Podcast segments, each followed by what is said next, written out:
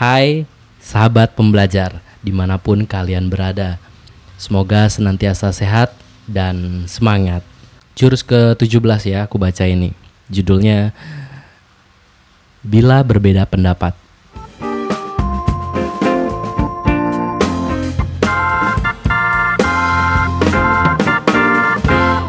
Beda pendapat itu hal yang wajar bukan? Sering kamu alami di banyak situasi dan kondisi.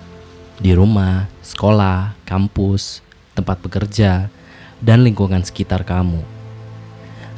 Karena sering terjadi dan kamu alami, mungkin membuatmu menjadi terbiasa menghadapinya. Apalagi beda pendapatnya dengan orang-orang atau teman-teman dekatmu.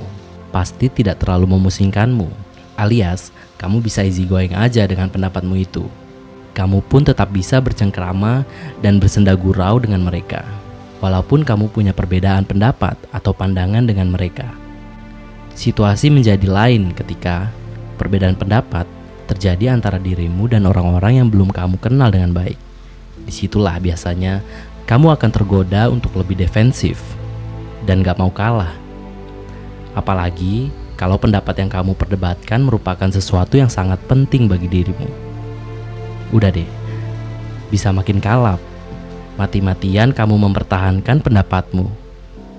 Kira-kira bunyi pikiranmu begini. Aku harus menang.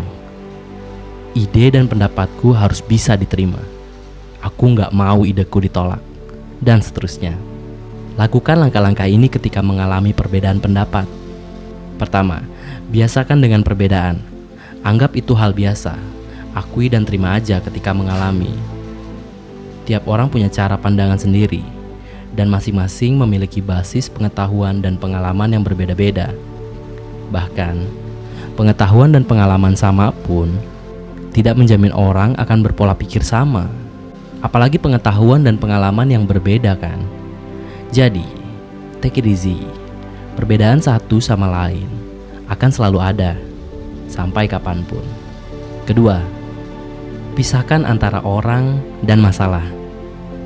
Biarpun perbedaan meruncing dan nggak pernah menemukan titik temu, kamu nggak punya alasan sedikit pun untuk tidak menghormati dan tidak menghargai orang yang berbeda pendapat dan pandangan dengan kamu.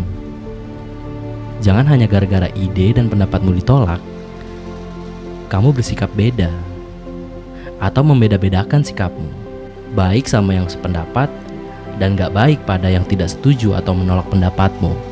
Mengapa gak boleh? Karena yang ditolak dan tidak disetujui adalah pendapatmu, bukan dirimu sebagai manusia.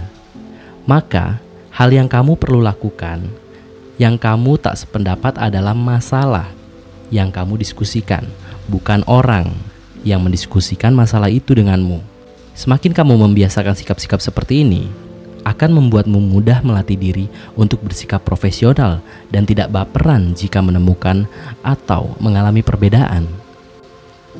Inilah sikap terpuji dan konstruktif yang sangat penting dalam menghadapi perbedaan. Secara pikiran, kamu harus meyakini bahwa perbedaan itu hal yang biasa dan akan kamu alami sepanjang hayatmu. Secara sikap, Perbedaan harus disikapi dengan profesional dan bijak, yaitu tetap saling menghargai dan menghormati sebagai sesama manusia. Walaupun ada beda pendapat dan pandangan. Itulah dua langkah penting bila mengalami beda pendapat. Selamat mencoba. Kira-kira apa langkah selanjutnya?